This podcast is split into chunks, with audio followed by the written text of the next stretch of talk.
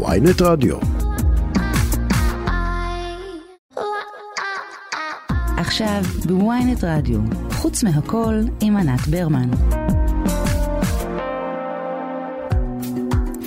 צהריים טובים, אתם מאזינים ל"חוץ מהכל", תוכנית שבה נצא לשעה אחת מהשכונה שלנו לסיבוב במקומות אחרים בעולם. בכל שבוע ננסה להביא לכם את הסיפורים הכי מרכזיים והכי מסקרנים שקורים ברחבי הגלובוס.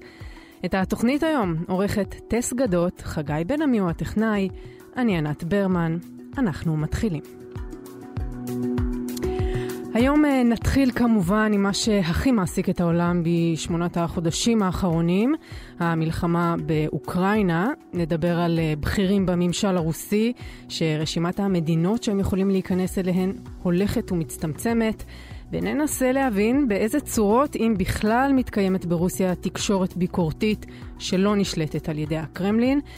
נמשיך, אה, להבדיל מרוסיה, עם ההתקוממות האזרחית באיראן נגד הדיכוי של המשטר, ונסיים עם סיפור מהאגדות, אבל אגדה שלא הייתי מספרת לילדים לפני השינה, על הנסיכה ההולנדית שנאלצת להתבצר בארמון כדי שלא יחטפו אותה. זאת ועוד בשעה הקרובה, אבל uh, לפני שנצלול לנושאים האלה, נתחיל בסקירה קצרה של העיתונים והאתרים המרכזיים בעולם. נראה מה מעסיק היום אנשים כמונו במדינות אחרות. אז uh, בארצות הברית הוושינגטון פוסט מכריז היום שהאינפלציה דווקא טובה לאמריקנים. בזכותה האזרחים ישלמו פחות מס, כך uh, הודיעו רשויות המס במדינה, שהעלו את ספי ההכנסה לכל מדרגות המס. הגרדיאן הבריטי שרוסיה מזהירה מפני uh, מתקפה על חרסון ועל uh, מאות אלפי אוקראינים שנותרו ללא מזון וחשמל. זו הכותרת הראשית uh, בגרדיאן. כותרת uh, מאמר המערכת באינדפנדנט הבריטי היא בריטניה לא יכולה להמשיך כך בחירות עכשיו. כשברקע של הכותרת הזאת תמונתה של ראש הממשלה ליז טראס, שמונתה לתפקיד רק לאחרונה. התקשורת הפולנית עוסקת במשפט נגד פעילו, פעילות בעד uh, הזכות להפיל. הן מואשמות שם שסיפקו כדורים להפלה לנשים שרצו להפסיק את ההיריון. בדויטשה ואלה הגרמני ידיעה די מרכזית על סופר א-בינארי שזכה uh, בפרס הכי יוקרתי בגרמניה לספרות. אם זה על uh, מעצרו של בעלים של חברת פרסום שמואשם בשוחד שקשור לאולימפיאדה שהייתה בטוקיו לפני כשנתיים. ואחרון אחרון זה ההוריית הטורקי, שמדווח שהנשיא ארדואן אמר שטורקיה היא כבר לא מדינה מתפתחת, אלא הצטרפה לרשימת המדינות המפותחות, בזכות, איך לא, הישגיו הכלכליים כנשיא. סיימנו עם הכותרות, עכשיו לנושא הראשון שלנו, מדינות המערב. פועלות בכל מיני חזיתות כדי uh, לחזק את אוקראינה ולהחליש את רוסיה, כדי לאזן קצת את יחסי הכוחות. אחת החזיתות האלה היא הסנקציות, העיצומים שמוטלים על רוסיה, בין היתר גם על uh, פרסונות מסוימות, על אישים מסוימים, בראש ובראשונה על uh, בכירי ממשל רוסים, שהם שותפים מרכזיים לפשעים שמבצעת רוסיה באוקראינה. אתמול פרסם איתמר אייכנר בידיעות אחרונות וב-ynet שאשתו של דובר הקרמלין, דמיטרי פסקוב, קוראים לה טטיאנה נבקה, בילתה ללא מפריע בחופשה בישראל, בתל אביב. כל זה בזמן שלמדינות האיחוד, לדוגמה, סביר להניח שלא היו מכניסים אותה בכלל. איתנו אה, מרינה קיגל, יוצרת תוכן ומומחית אה, דיגיטל, חוקרת תרבות סובייטית ופוסט-סובייטית. מרינה, כיף שאת אה, שוב איתנו. תודה רבה, תודה, תודה. אז כן, לגמרי, זאת אומרת, אה, תשמעי, אין אין מה להיות מופתעים, כי אם כולנו קראנו את חוות החיות של אורוול, אנחנו יודעים שכל החיות הן שוות, ויש כאלה ששוות יותר. אז אה, אין שום בעיה, זאת אומרת, אה, אם, אם יש טיסות, אז אפשר לבוא לנופש. אז זהו, מרינה, בואי נתחיל. אנחנו כל שבוע משתדלים להביא זווית אחרת של מה שקורה ברוסיה ובאוקראינה. היום באמת נתחיל עם סוגיית הסנקציות הפרסונליות, כן. אנחנו לא נדבר על הסנקציות הכלכליות על רוסיה בכלל. נכון, כן. אה, אלא על אישים, על מי מוטלות סנקציות כאלה, מי מטיל בדרך אותן? בדרך כלל, הסנקציות התחילו בעצם, התחילו אה, בעצם מהבכירים עצמם, מבעלי תפקיד, אוקיי? פוטין וכל, וכל האנשים האלה, בעצם גם לפוטין עצמו, ולדעתי גם לבכירים יש המון נדל"ן. אה, בחו"ל, אוקיי? לא ברוסיה. המון נדל"ן במדינות אחרות, שלא קשור כאילו למקום כאילו של רוסים. בכלל, רגע שנייה, יש לי פה כלב. לא, לידי. אה, כן, בכל מקרה, אה, סנקציות, ש... כן.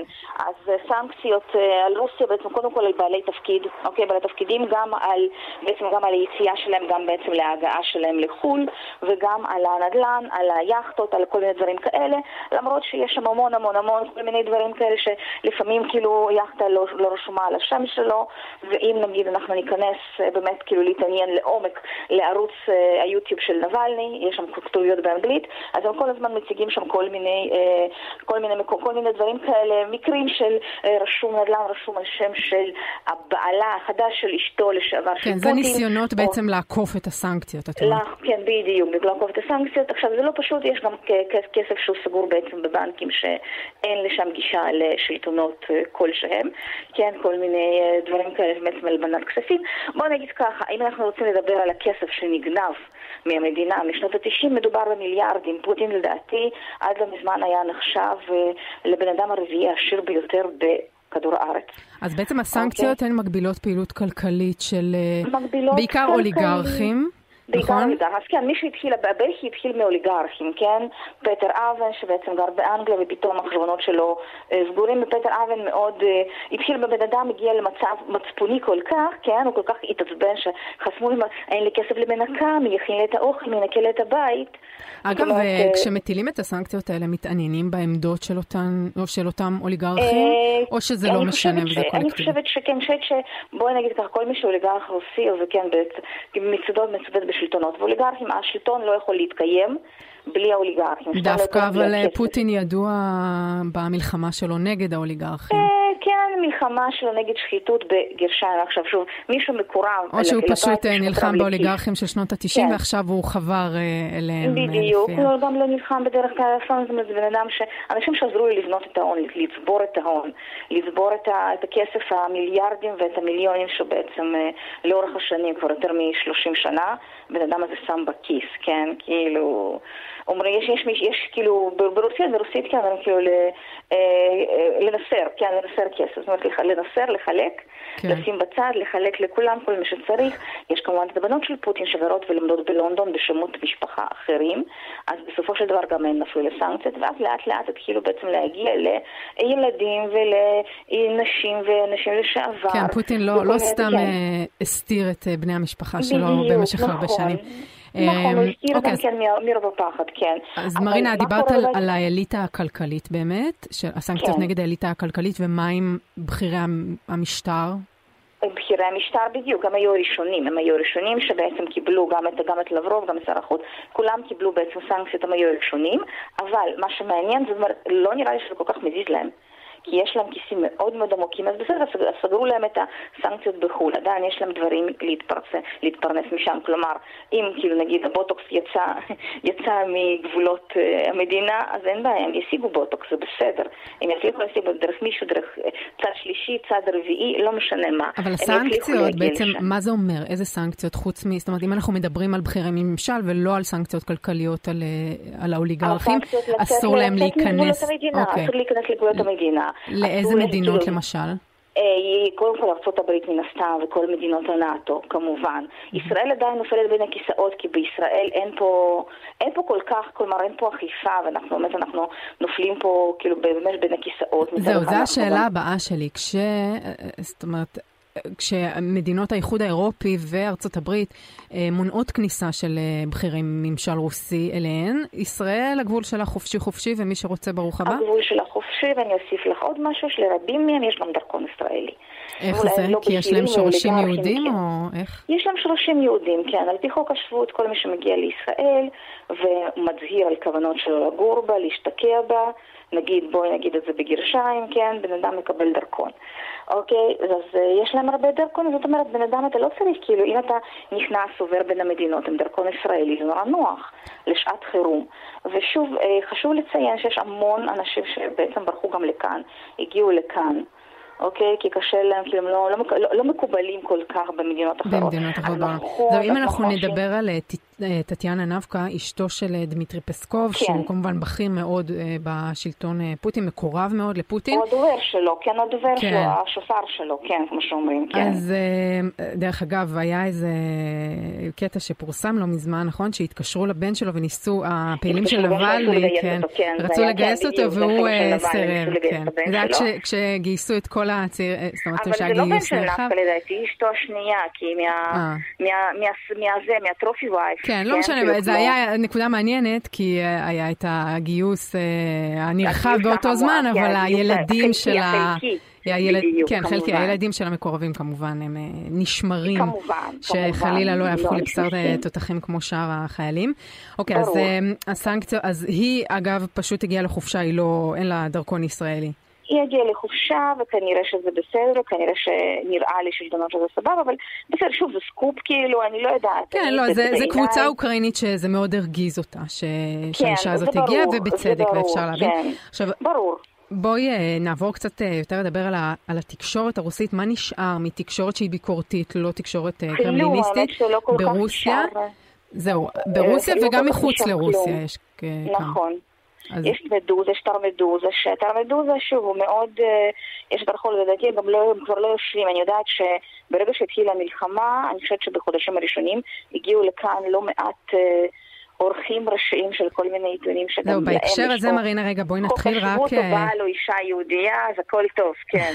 הם גם הגיעו לכאן. אנחנו פה, לפעמים אנשים תופסים פה מרכז ההגירה הרוסי הסובייטי, כן. התפוצה, כן, לגמרי. יש שם הרבה באמת, אה, כי שזה מאוד באמת... נוח כשצריך, נכון, כן. להרבה אנשים אה, יש שורשים אה, יהודים, במיוחד נכון. שהרבה היו הרבה נישואים מעורבים, אז כן, זה... כן. בואי שנייה נדבר על העיתונאית מרינה אובסיאניקובה. כן, נכון, כן. שהיא, כזכור, הפגינה, זה היה לא הרבה אחרי הפלישה לאוקראינה, היא הפגינה בשידור חי. ב-14 למרץ, כן, נכון, זה היה באקט מאוד הירואי, הפגינה בשידור חי נכון. בטלוויזיה הרוסית נגד המלחמה. היא עורכת חדשות בערוץ הממלכתי הראשון, שזה בעצם גוף התקשורת המשדרת את דבר פוטין לצורך העניין, והיא בעצם, היא עורכת שם והיא הכינה את, הכינה את השלט. היה כתוב, תגידו למלחמה, משקרים לכם באנגלית וברוסית. כן, בוא, רק למי שלא זוכר, זה היה ממש בשידור חי בערוץ הממלכתי כן. הרוסי, שהוא כמובן מאוד פרו-מלחמה ו... פרו-קרמלין מן הסתם. אז כן, היא הייתה מורדת כן, שם מאחורה והיא החזיקה שלט, אחר כך היא אה, נשפטה על זה, עכשיו אה, אתמול... היא יצאה, זהו, שם זה גם קצת נושא קצת מאוד אה, כזה, את יודעת, מאוד מעניין איך זה החליט לה, כלומר, כאילו, היו בטוחים שיקרה לה משהו והיא נעצרה רק כשהיא יצאה בחופשות מהאולפן, כי נראה לי, אני לא זוכרת, נראה לי הם הפסיקו את השידור באותו רגע. הם העבירו, כן, הם העבירו פשוט לוויזואלי אחרת. בוא נשמע ממש שני משפטים שלה מאחד הראיונות שהיו לאחרונה. Уважаемые сотрудники ФСИН, наденьте такой браслет на Путина. Это его, а не меня, нужно изолировать от общества и судить за геноцид народа Украины и за то, что он массово уничтожает мужское население России. אז בואי, כן, תתארי. צריך לשפוט את פוטין ולא אותה, איזשהו מתעסק בהשמדה המונית של אוכלוסיית הגברים של רוסיה. זהו, ועכשיו היא אה, שצפוי לה משפט, היא מואשמת בכל מיני אישומים כמובן, בהפצת כן, דיסאינפורמציה. כן, חשוב לציין עוד משהו, שזה גם משהו מאוד מאוד רוסי, אה, חודש אחרי שזה קרה. אה, בעלה הגיש נגדה תביעת גירושים. אני לא יודעת, יכול להיות שעוד לפני זה היו במצב לא טוב, אבל זה קצת נשמע פישי. שמה, שהכריחו אותו? שבעצם ש... כן, כן, זה לא, לא, לא שהכריחו, פשוט רצה, הוא רצה, לא רצה להיות איתה באותה צלחת. אה, טוב, זה, זה מסוכן, כן, היא הפכה לסמל. היה גם בדיוק, כן, נכון, אבל אתה יכול, כאילו, זה מה שעשו גם בשנות ה-30, בטרור של סטלין, אתה יכול, אה, אז בעצם אתה בעצם אומר, אוקיי, טוב, סבבה, אני, אה, אני כאילו באמת מתרחק מאישה הזאת, והוא גם רצה לקחת לה את הילדים. אוקיי, אז... אז דיון אה, לשמור את הילדים. רגע, רק נזכיר, אתמול אה, אנחנו ראינו שהיא ברחה בעצם, עזבה את הגבול, הצליחה להתחמק ממעצר בית ולעבור את כן. הגבול. ברחה מרוסיה, לאן, לאן היא ברחה? מה, מה צפוי לה? היא ברחה, האמת של, האמת של, אני חושבת שהיא גם יצאה, וכמה פעמים גם יצאה, הייתה בגרמניה, וגם שם לא כל כך הסתדר לה. בקיצור, היא on and off כזה, אז uh, זה קצת באמת משהו מאוד, uh, מאוד מעניין, וצריך לראות לעקוב מה קורה עם זה באמת, מה, איך זה יתקדם. זהו, כי היו היא... כל מיני קונספירציות שזה בכלל משהו שהוא... Uh, בקיצור, כן, שזה היה מכוון, כן. כי בהתחלה לא עשו לה כלום, אבל בכל מקרה היא כן. סוג של סמל, היא בעצם... סוג של סמל של מאבק. נכון, נכון, אבל שמראה כן. מה, מה קורה לעיתונאי שאומר נכון, מה שלא מוצא חן בעיני המשטר, שזה עצוב מאוד, כי באמת לא נשאר, לא נשאר שום אופוזיציה בתוך רוסיה, ואותם uh, גורמים שהיו אופוזיציונרים ברוסיה, ברחו משם ומנסים לעשות משהו uh, מחוץ נכון. למדינה. לפעול uh, מבחוץ. כן, כן לפעול מבחוץ, וחשוב כן. לשמוע את הקול שלהם. Uh, מרינה קיגל. תודה רבה, מרינה קיגל, יוצרת תוכן ומומחית דיגיטל, חוקרת תרבות סובייטית ופוסט-סובייטית. תודה שדיברת איתנו. תודה רבה, תודה להתראות, ביי ביי. אז אה, לפני כחודש, צעירה איראנית בת 22 אה, בשם מהסה אמיני נעצרה באיראן בגין עטייה מרושלת של החיג'אב. היא הוכתה למוות על ידי אה, השוטרים שעצרו אותה. המקרה הנורא הזה הצית הפגנות ענק ביותר מ-80 מוקדים ברחבי הרפובליקה האסלאמית. הפגנות נגד המשטר, נגד חוקי הצניעות המחמירים, בעד חירות לאזרחים ולנשים בפרט. במהומות האלה נהרגו כבר יותר מ-200 אזרחים ועוד אה, מאות נפצעו ואלפים נעצרו. שלום לפרופסור מאיר ליטבק אה, ממרכז אליאנס ללימודים איראניים, אוניברסיטת תל אביב. אה, שלום. שלום פרופסור ליטבק. אז נשים ברחבי איראן מסירות בפומבי את כיסויי הראש שלהן, שורפות אותם, גוזרות את שערן כאקט של מחאה נגד הדיכוי של המשטר. קצת uh, מזכיר את uh, שריפת החזיות בארצות הברית בשנות ה-60, או, ש... או שלא? Uh, הרבה יותר אמיץ מאשר שריפת חזיות, מפני שהן מסתכנות, uh, יורים בהן והורגים אותן ואוסרים אותן. Uh, שנית, זה הרבה יותר uh, משמעותי, מפני שבשביל תנועות אסלאמיות, שימי לב, תנועות דתיות בכל העולם, משום מה השיער של נשים נורא מפחיד אותן, זה בכל הדתות. נכון, וזה זה באמת מעניין. מכשיר מאוד משמעותי לשליטה גברית על נשים מצ'אן מרקנות בכל העולם.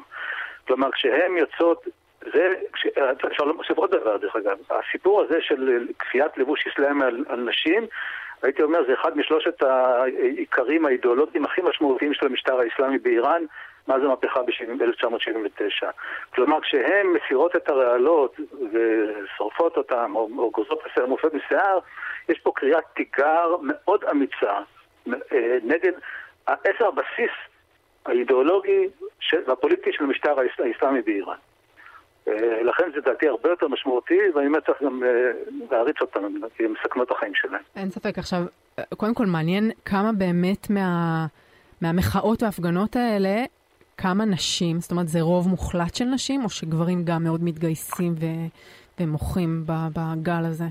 ראינו גם גברים, במיוחד באוניברסיטאות, סטודנטים. ראינו תופעה שכרגע היא בהתחלה, בהתחלה, ואי אפשר לדעת איך היא תתבשך, זה קצת שביתות. אה, בתעשיית הנפט ובתעשיית הפטרוכימית, זה בינתיים בשוליים, זה לא תפס תאוצה. אז זאת אומרת, אבל מי שמוביל את, את המהלך הזה זה נשים. דרך אגב, צריך לומר, העניין של נשים מובילות הפגנות זה לא דבר חדש בהיסטוריה האיראנית. Mm-hmm. גם במאה ה-19 היו לנו הרבה הפגנות, אז בעיקר של אה, מזון, שמי שהוביל אותם היו תמיד נשים, והגברים היו מאחוריהם. הפגנות על מזון, למה באמת אה, אז, זאת אומרת עכשיו זה ברור, למה אז היה נשים? אה, טוב, הם אלה שצריכות, את יודעת, כשהן עומדות מול, אין להם מה להאכיל את הילדים, אז הם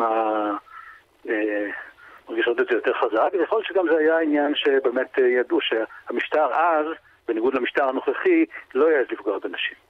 כן. עכשיו זה כבר אה, כנראה קצת השתנה, כי כן פוגעים בנשים. אה, עכשיו כן. אנחנו רואים מחאה בעיקר של צעירים, או שזה ממש כן. חוצה אוכלוסייה? אוקיי, זה... זה בעיקר צעירים, אנחנו רואים גם אחרים, זה עדיין לא תפס, למרבה הצער אני אומר את זה, את המעמד אמ, הבינוני המרכזי או את רוב הציבור. עדיין, נקרא לזה המבוגרים יותר, בינתיים עדיין פסיביים. זאת אומרת, זו מחאה של צעירים, סטודנטים, שזה תמיד קהל היעד של מהפכות במדינות, הסטודנטים, זה המוקד, אה, שאפשר להניח שהם יותר אה, חילונים, יותר ליברליים, יותר פרו-מערביים? כן, קודם כל זה גם הרבה תלמידי תיכון, וגם תלמידות תיכון. בהחלט, הצעירים האלה, תראי, הצעירים האלה נולדו לתוך המהפכה, אוקיי? הם נולדו לתוך המשטר האסלאמי. הסיפורים כמה היה רע לפני המשטר האסלאמי לא מדברים אליהם, כי הם לא מכירים את המציאות הזאת. מה שהם יודעים זה שהמצב באיראן היום די קשה. גם חונקים אותם תרבותית, גם המצב הכלכלי לא טוב. אין להם, אין להם ציפיות יותר מדי לעתיד. המצב הכלכלי באיראן אומר שרבים מהם אה, יהיו מובטלים, או יתקשו למצוא דירה, או יהיה להם בעיה לגדל ילדים כשהם, אה, נגיד בכלל לסטודנטים. כלומר, הצעירים האלה מרגישים שהם חנוקים על ידי משטר נוקשה, שנשלט על ידי אנשי דת שמרנים, חלקם מאוד מבוגרים. זה, אמנם זה, זה מעניין מאוד, בעיקר על רקע השיחה הקודמת שהייתה לנו על מה שקורה ברוסיה. ברוסיה אנחנו רואים המון של המון מדוכא שלא קם ולא מתקומם ומפחד, מאוד מפחד. ופה אנחנו רואים משטר לא פחות אכזרי, אולי אפילו יותר, אבל הצעירים שם מעזים להרים את הראש אה, ו- ולמחות ולהפגין, למרות שהם משלמים מחירים מאוד כבדים, וכמו שאמרנו קודם, הרבה מהם מתים. אז ממה אתה חושב נובע ההבדל הזה? וגם, אם אתה יכול להתייחס באמת לזרימת המידע, כמה הם חשופים למידע שמגיע מהמערב, לתקשורת מערבית, למשהו שהוא לא נשלט על ידי השלטון האיראני? הצעירים אה, די חשופים. מפני שבאיראן אה, לא הייתה בעיה למשל לקלוט אה, טלוויזיות זרות מלוויינים אה, וגם היו דרכים לעקוף את, האינטר... את האיסורים על האינטרנט שהמשטר הטיל דרך VPN וכל מיני פטנטים טכנולוגיים אחרים. במידה רבה, אם כי עכשיו המשטר הוא הרבה יותר יעיל באמת בסגירת איראן ולא תמיד הם יודעים בעיר אחת מקור בעיר שנייה. אה, אבל הצעירים באיראן, אנחנו יודעים את זה, שהם הרבה, היו הרבה יותר חשופים לתרבות אה, מערבית אה, זרה, mm-hmm. מאשר נגיד, דרך אגב, מאשר הרבה צעירים אחרים בעולם, מאשר צעירים בעולם הערבי. כן. עכשיו, הבעיה הגדולה היא, שדרך אגב, גם באיראן יש פחד של רוב הציבור מהתקוממות, כי בדומה לרוסיה, אנשים מפחדים מאוד מאנרכיה. Mm-hmm. ברוסיה, אני לא מומחה לרוסיה, אבל אני מספיק זקן לזכור שכשלפני פוטין, שהיה ילצין, הייתה כביכול דמוקרטיה, אבל הייתה אנרכיה טוטאלית, והמדינה קרסה.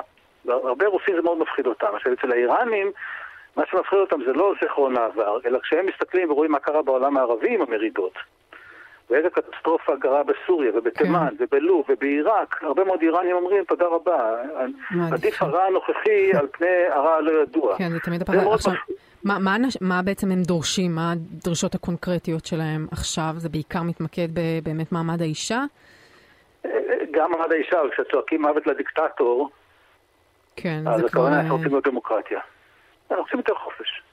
הם רוצים חופש דיבור, חופש מחשבה, פתיחות תרבותית, הם רוצים להיפתח קצת לעולם, הם רוצים אה, אה, אה, שלא, ולא ישלטו בהם, אני אומר, מי העניין של איך, מה הם ישימו על הראש, ואם מותר להם לשים לק על הציפורניים או לא, שדרך אגב אסור, יש משמרות צניעות שבודקות את זה לסטודנטיות שאין להם לק. יש... ציפורניים. כן, זה דבר בלתי נתפס. יש אופוזיציה באיראן? יש אנשים, אנשי ציבור משמיעים את, ה, את העמדות האלה, או שזה רק לא. ברחוב, בהפגנה? לא, לא, אנשי ציבור שהיו משמיעים עמדות כאלה כבר אין זמן בכלא. אין דבר כזה. אה, אין דבר כזה. זה רק לכן הצעירים, וגם לכן, אה, אה, יש פחד, המשטר הזה הוא יעיל, הוא משטר דכאני יעיל, יש לו הרבה מאוד מנגנוני דיכוי, עכשיו שהוא עוד לא הפעיל את כולם. והוא הוכיח את היעילות שלו ואת הברוטליות שלו. וגם זה מפחיד הרבה אנשים, צריך לומר את זה.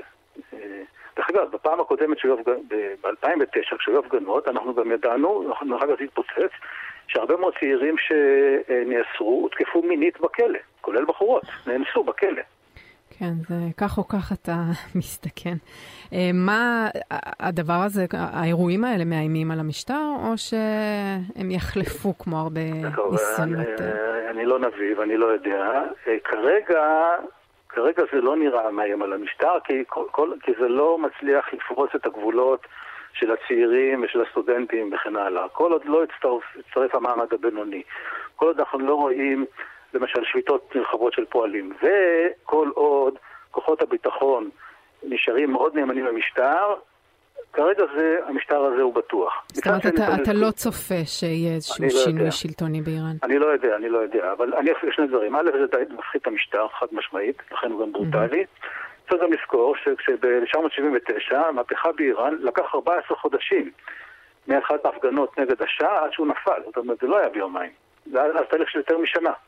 אז אה, פרופסור ליטבק, בואו נסיים עם עם האופטימית הזאת, עם התקווה הזאת, שאולי, אה, גם אם לא בחודשים הקרובים, זה יכול לקחת שנה, אבל אה, אולי אנחנו נקווה לפחות בשביל הציבור באיראן. אה, כן, אם אפשר משפט אחד, גם אם המשטר הזה ישרוד את זה, יש פה זעזוע שיהיה לו השפעה על המשטר לטווח הארוך.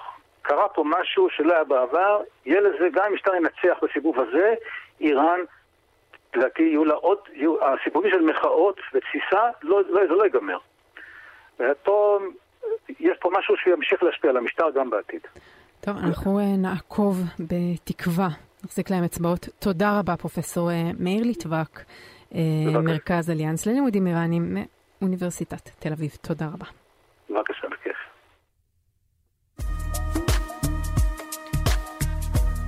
קול עולה מן המזרח. דניאל סלאמה, עם סיפורים מהעולם הערבי. אין לנו ש... שלום, דניאל סלאמה, כתב לענייני העולם הערבי בוויינט ובידיעות אחרונות. אתה מביא לנו מדי שבוע סיפורים מעניינים מהעולם הערבי. היי, דניאל. שלום ענת. אז כן, כיף לשמוע אותך, כמו תמיד. אז מה יש לך היום בשבילנו? טוב, השנה, השנה, השבוע אנחנו אה, נרחיק עוד טיפה למזרח ונישאר באיראן בהמשך לשיחה המעניינת שהייתה לכם קודם. אה, אני רוצה להביא את סיפורה של המטפסת הספורטאית אלנז ריקאבי שייצגה את איראן בתחרות טיפוס שהתקיימה בדרום, אה, בקוריאה הדרומית לפני מספר ימים. מה שקרה, למי שלא מכיר את הסיפור, בזמן כשהיא נקטטה לעלות ולהתחרות לטפס על הקיר, היא עלתה ללא חיג'אב. עכשיו, העלייה של ללא חיג'אב קרתה בזמן שיש את כל המחאה שאנחנו רואים בימים אלה באיראן, מחאת החיג'אב שהתחילה במותה של מסה המיני. זאת אומרת, בזמן שבאיראן איראן אה, בוערת, אה, היא עלתה להתחרות בגמר, נכון? בלי נכון, חיג'אב?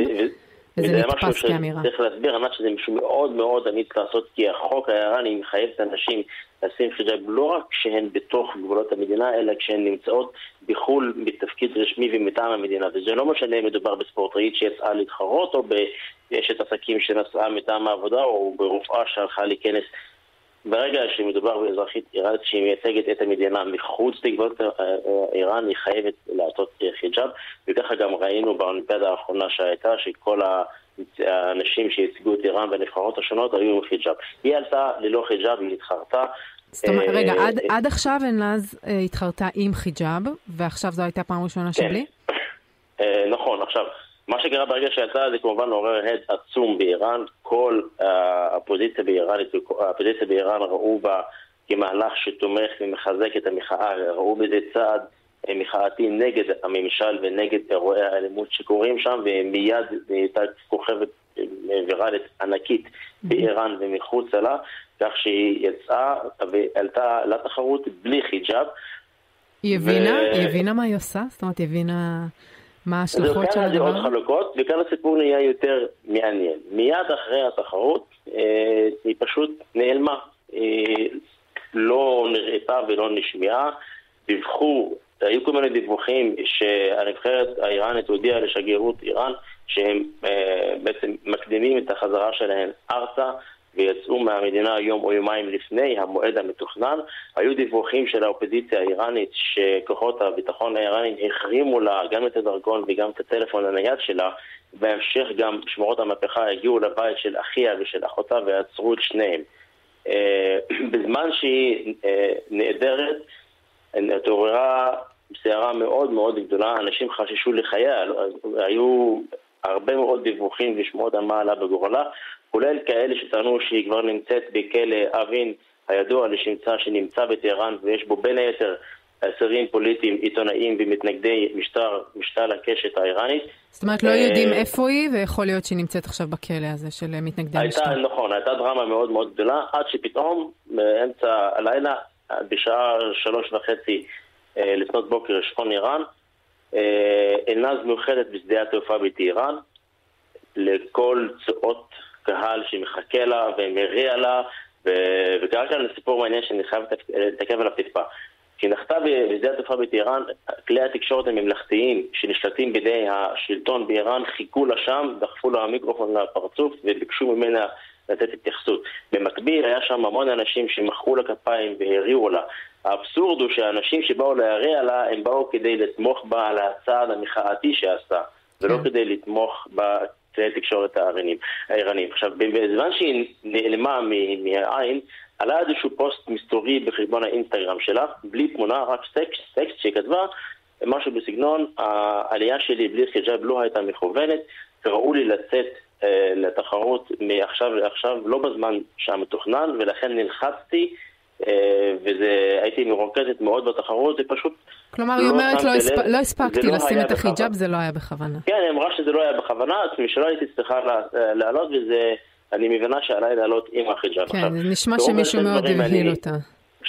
בדיוק. שגרירות איראן בדרום אה, קוריאה מהירה להוציא ציוץ שלה מתחרות קודמת שלה ברוסיה ב-2016 כשהיא עם חיג'אב, ואמרה שקרתה כאן טעות והיא לא הייתה צריכה לצאת. עכשיו, כשהיא יצאה משדה התעופה בטהרן בלילה ועמדה מול המצלמות והמיקרופונים של השלטון, היא חזרה בעצם על אותן מסרים שהגיון הבריא והסביר אומר שהיא בעצם, הכתיבו לה מה להגיד ולחצו עליה להגיד את הדברים האלה. אז בעצם גם... מה, לא... מה קרה שם? זאת אומרת, אחרי האירוע הזה הגיעו נציגים uh, מהשגרירות uh, האיראנית לחדר שלה במלון והפחידו אותה, או איך, איך זה עבד בדיוק? שהיא פתאום חזרה בה והחרימו לה את הדברים וחזרה מוקדם מהצפוי לטהרן? אם שואלים את השלטונות באיראן, לא קרה כלום חריג, היא סיימה את התחרות והם חזרו הביתה והכל בסדר. אבל אם מסתכלים על עבודת הפנים שלה, כשהיא עומדת מול המצלמה ומדברת, באמת אמרה שלא צריך להיות מומחה גדול לשפת הסמנים אה, כדי להבין, סליחה, לשפת גוף, כדי להבין שהיא לא נמצאת במצב נפשי כן, תקין. מפוחדת. אה, רואים עליה שהיא תשושה, שהיא לחוצה, שהיא מפוחדת, שהיא מבוהלת. אה, האופוזיציה באיראן טוענים שהפעילו עליה לחצים באמצעות כך שעצרו אה, את אחיה ואת אחותה שאיימו עליה בכלא, שלקחו לה את הדרכון ואת הטלפון הנייד שלה. הם אפילו הגדילו ואמרו שבזמן הראיון שהיא נתנה מחוץ לשדה התעופה היא עדיין הייתה נטולת טלפון, שעוד לא החזירו לה אותה, החזירו לה אה, את הנייד שלה. יש כאן שני נרטיבים, אחד מה שהאופוזיציה וה... מוחים אומרים ומה שהמשטר אומר. כנראה שהסיפור, מה שבאמת קרה שם הוא יותר לכיוון הטענה של האופוזיציה ופחות דווקא כלפי המשטר שרוצה לשדר שהכל תקין.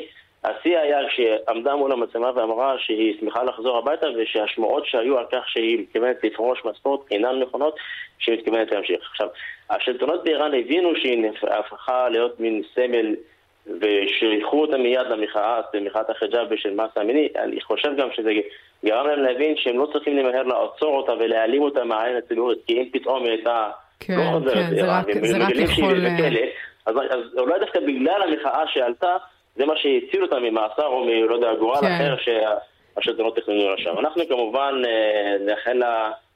שלא, שלא תגיע לכלא ושתישאר חופשייה, ושמי יודע, אולי עוד נזכה לראות אותה בתחרויות אה, אולי אפילו הם מתחרים אה, מתחרות מישראל. ואולי אולי. אולי גם בלי חיג'אב, מי יודע.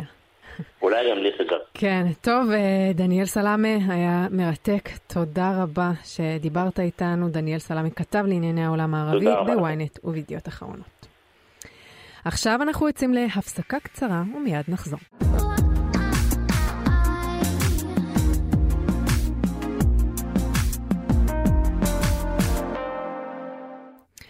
אנחנו חזרנו, אתם uh, מאזינים לחוץ מהכל. עכשיו אנחנו לעניין הבא שלנו. בסוף השבוע האחרון, חובבי אומנות ברחבי העולם נשאו את עיניהם לגלריה הלאומית בלונדון. שם יצירת המופת חמניות של ואן גוך, יצירה ששוויה מוערך ביותר מ-84 מיליון דולרים, הייתה uh, קורבן למחאה של שתי צעירות, פעילות מחאת האקלים, שהשליכו על היצירה מרק עגבניות. בואו נשמע מה הן הספיקו לומר לפני ששוטרים הגיעו לפנות אותן מהמקום. What is worth more? Art or life? Is it worth more than food? Worth more than justice? Are you more concerned about the protection of a painting or the protection of our planet and people? The cost of living crisis is part of the cost of oil crisis. Fuel is unaffordable to millions of cold, hungry families. They can't even afford to heat a tin of soup. אז אה, הצעירה ששליחה מרק עגבניות על היצירה אומרת, מה שווה יותר, אומנות או חיים?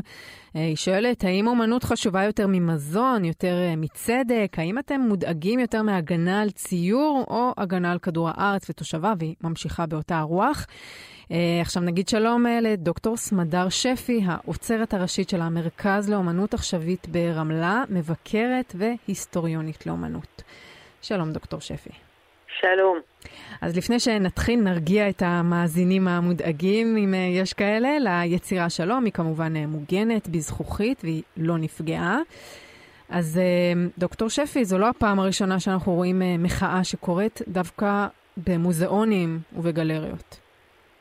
נכון, נכון. יש עכשיו, אנחנו בעצם נמצאות ונמצאים בגל של מחאות שמתרכזות ב...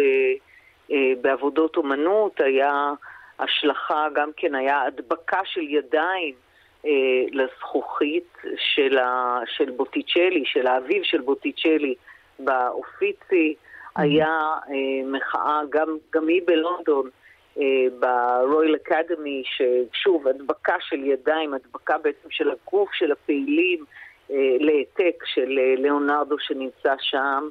אה, היה את זה גם כלפי עבודה של פיקאסו במלבורון באוסטרליה. בקיצור, יש לנו פה איזשהו גל אה, בינלאומי, כי בעצם מדובר פה במחאה שהיא די אה, קלה, קלה לעשייה, מהבחינה הזו שנכנסים למוזיאון, לא צריך פה תיאום עם קבוצה גדולה, מדביקים את הידיים, את הגוף.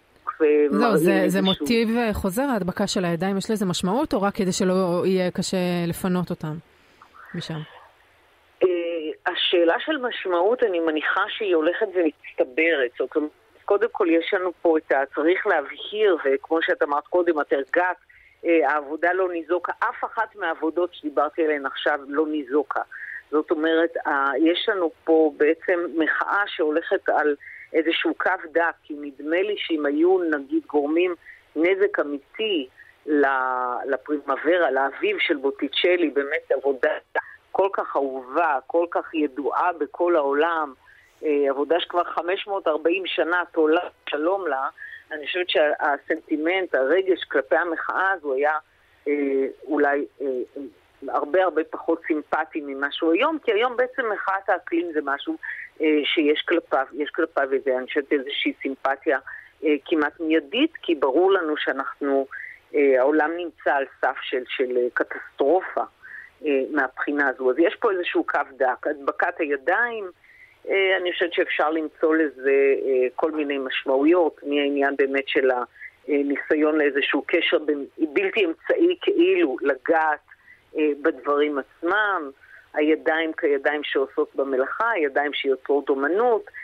אפשר לקחת את זה להרבה מקומות, אבל אני חושבת שמה שהמעניין ביותר במחאה הזו בוודאי מהבחינה של עולם האומנות, היא המשמעות שהיא נותנת לעבודות האומנות. זאת אומרת, הנה אנחנו רואים אה, קבוצות של אה, מוחים ממקומות שונים בעולם, אה, שתוקפים את עבודות האומנות בגלל המחשבה שכך הם באמת ייצרו איזה שהם אה, הד, הד גדול, הד בינלאומי גדול. זהו, אז אומר... הסיבה לעשות את המחאה הזאת במוזיאון היא כדי למשוך תשומת לב?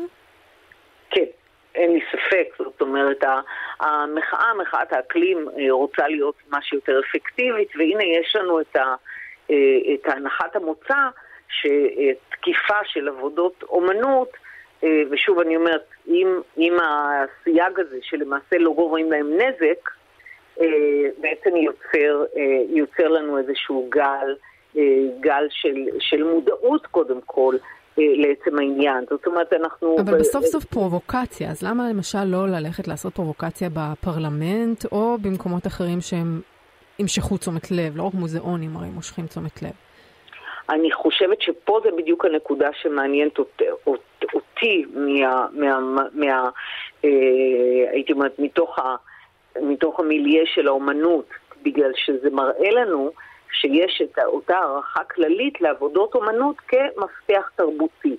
עכשיו, אה, אני אחזור בעצם לתחילת תחילת דברייך, שדיברת על העבודה של ואן גוך, מה שהזכרת זה את המחיר שלה.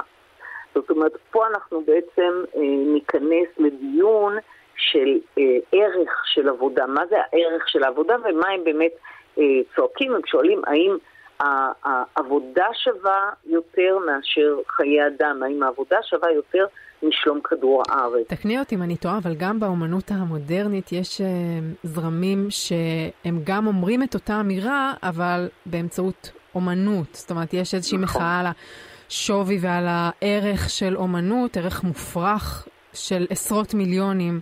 זאת אומרת, הוא לא בהכרח מופרך, אבל ערך מאוד גבוה אה, ליצירות אומנות, והם, דרך האומנות, בעצם מוחים על הדבר הזה, מה זה, יש פה אסלה, או יש פה פיסת נייר, או איזשהו קשקוש, ועכשיו אתם תעריכו אותו במיליונים, אבל בעצם זה כלום.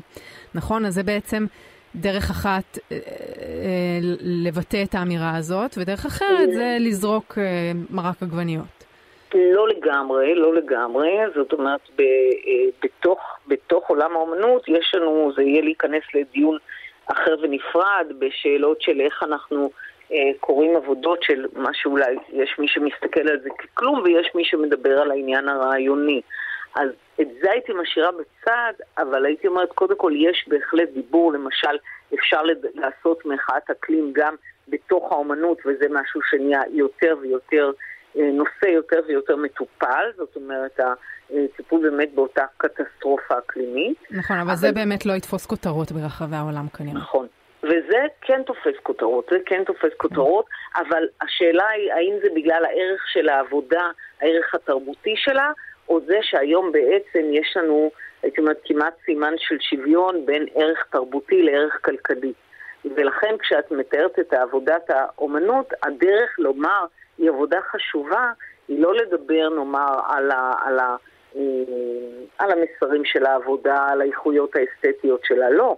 מספיק לומר שהעבודה הזו, אה, פעם אחרונה שנמכרה זה היה 84 מיליון דולר, היום המעריכים שלו היא תצא, לו אותה עבודה תצא אה, למכירה שוב, כי היא שייכת לבעלים פרטיים, מדברים על מאות מיליונים שישולמו בשבילה.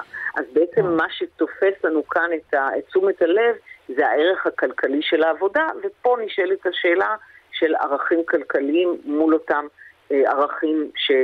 לפחות מחאת האקלים תופסת כהרבה הרבה יותר הומניטריים. זאת אומרת שהמחאה הזאת בעצם, המוחים מחפשים אה, יצירות אה, קלאסיות מפורסמות ומאוד יקרות, ולאו דווקא יצירות שהן ספציפית סמל למשהו מסוים. זאת אומרת, לגמרי. לאו דווקא יצירה שהיא סמל לתרבות המערב, או לאליטיזם, או לשפע, או... זאת אומרת, זה המחיר, הערך של היצירה, הערך התרבותי שלה, ולאו דווקא הפרשנות של, של אותה יצירה. היוצאת דופן היחידה למה שאת אומרת הייתה באמת במלבורן באוסטרליה, ששם הפעילים הדביקו את הידיים לעבודה של פיקאסו שעוסקת במלחמת קוריאה, ושם הם אמרו, אנחנו רוצים להראות את ה... בוא נגיד, זוועות שונות, זוועות המלחמה, ש... פיקאסו יוצא נגדם בעבודה, והזוועה שמתרחשת היום עם האקלים. זהו, דווקא היה יכול להיות מעניין, כי יש, יש יצירות ש, שיש בהן גזענות, זאת אומרת, בזמנו זה היה, זו הייתה נורמה, אבל היום...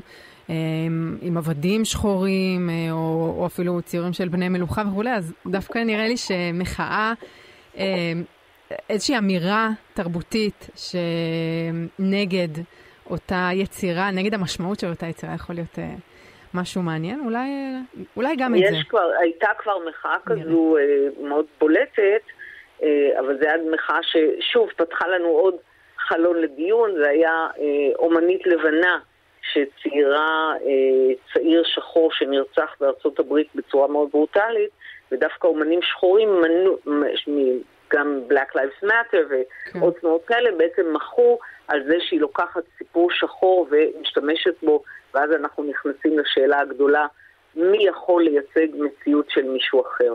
אז יש לנו פה שפע של עבודות שנגזרות מעבודות אומנות, ומחאה היא אחת הדרכים שבהם אה, אני חושבת שיש פה איזשהו, גם עבודות האומנות פתאום נכנסות שוב לפוקוס ציבורי רחב, לא רק של חובבי אומנות, אה, וגם אנחנו רואים באמת את השאלה איך אנחנו שופטים ערך. במקרה הזה התשובה הייתה כסף. טוב, בסוף זה מעורר באמת דיונים uh, מאוד uh, מעניינים, וזה לא כל כך מזיק בסופו של דבר. אז תודה רבה לך, דוקטור סמדר שפי, האוצרת הראשית של המרכז לאומנות עכשווית ברמלה, מבקרת והיסטוריונית לאומנות. תודה לך על השיחה הזאת. תודה. תודה. יום טוב. בסוף השבוע תושבי הולנד התבשרו שהנסיכה קטרינה עמליה, היורשת העצר שאמורה להפוך בעתיד למלכה, נאלצה לברוח מאמסטרדם, שם היא לומדת באוניברסיטה, סטודנטית, ולהסתתר אה, בארמון שלה בהאג, מחשש שיחטפו אותה. איתנו באולפן אה, ענבל אה, חננאל מפנאי פלוס. היי ענבל.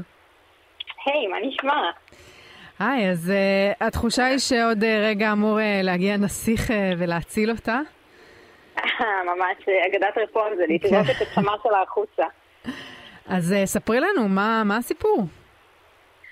Uh, טוב, אז בעצם uh, הסיפור הוא שבתקופה האחרונה כזה, uh, יש איזשהו חשש בהולנד שבעצם יש... מאפיה מרוקנית שמתחילה קצת להשתלט שם על העניינים, אף אחד עדיין לא דיבר על זה יותר מדי בקול רם, עד שבאמת אה, בסוף השבוע שעבר אה, כבר לא הייתה ברירה, ובעצם אה, ההורים של עמליה, שזה בעצם הנסיך, המלך ווילאם והמלכה מקסימה, הודיעו שבעצם כאילו עמליה, שבאמת רק בחודש שעבר עברה ללמוד באוניברסיטת אמסטרדם, והיא כזה מאוד התרגשה מזה שהיא תוכל לחיות חיים סטודנטיאליים כמו כולם, והיא תשכיר דירה, פתאום אמרו לה שהיא חייבת לחזור הביתה, כי בעצם יש איזשהו חשש לביטחונה. ענבל, אני אה, יודעת שאת מאוד אה, חובבת אה, בתי מלוכה, אבל את לא תצליחי לעורר רחמים על הנסיכה הזאת, שנורא רצתה להיות סטודנטית, בכל זאת, למרות הכל. באמת? כי אני דווקא חושבת שכאילו קצת כן, כי אני אגיד לך גם משהו שמאוד שונה כמות הפריבילגיות שלה בחיים לעומת כמה... נכון. אגב, אני שמחה שאת אומרת את זה, כי אוקיי, יוצא שאני מצדדת בממש, אני ממש עשיתי את ההיכרות מעמיקה כזה לפני יומיים, כן? אבל... יצא מצב שגם אה, היא ויתרה לקבל את הקצבה שמגיע לה כנסיכה מהמדינה ולטובת הלימודים, והיא אמרה שהיא רוצה שאת הכסף הזה, שהוא מוערך ב-1.6 מיליון דולר, יעניקו לתלמידים אחרים, שבאמת יש להם יותר קשיים, אבל שורה תחתונה בהולנד, בשונה מבריטניה למשל, אה, שם היה להם חיים טיפה יותר חופשיים. גם ראש הממשלה שלהם, שכרגע גם כן אה, נמצא תחת אותם איומים, אז יש תמונות שלו, הוא מגיע למשרד שלו על אופניים, והכל כזה מאוד כאילו מאוד שונה, כן.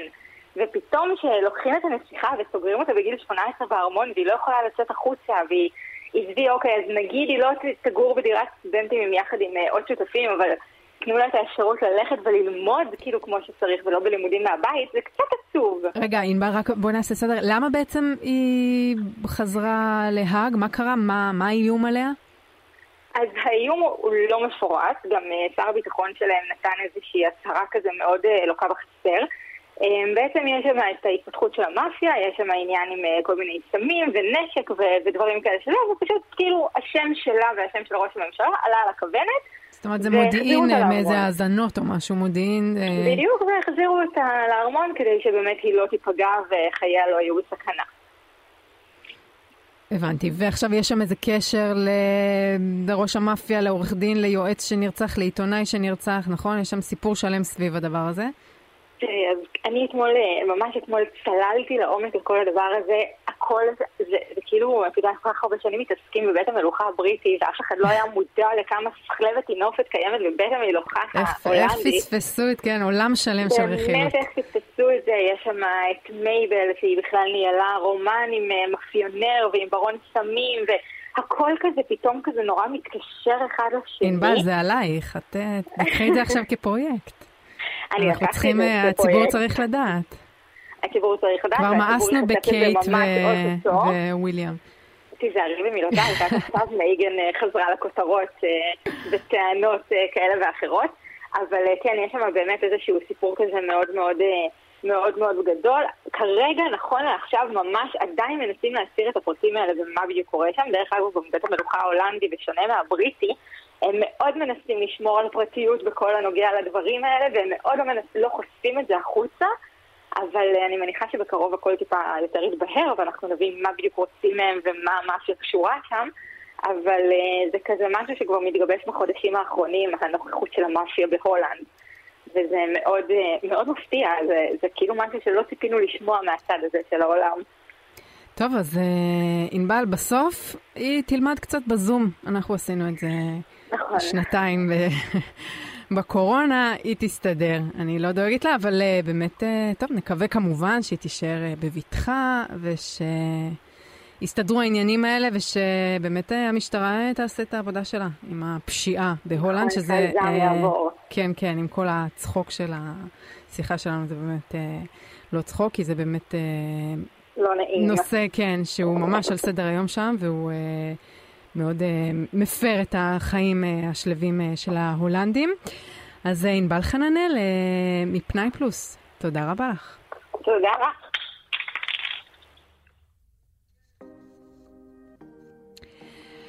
אנחנו סיימנו, מיד אחרינו התוכנית פי פלוס עם דנית גרינברג ובר זגה, עם כל הסיפורים החמים בעולם הבידור. אנחנו נהיה כאן גם בשבוע הבא באותה השעה. את התוכנית ערכה טס גדות, טכנאי השידור הוא חגי בן עמי. אני ענת ברמן, נשתמע בשבוע הבא.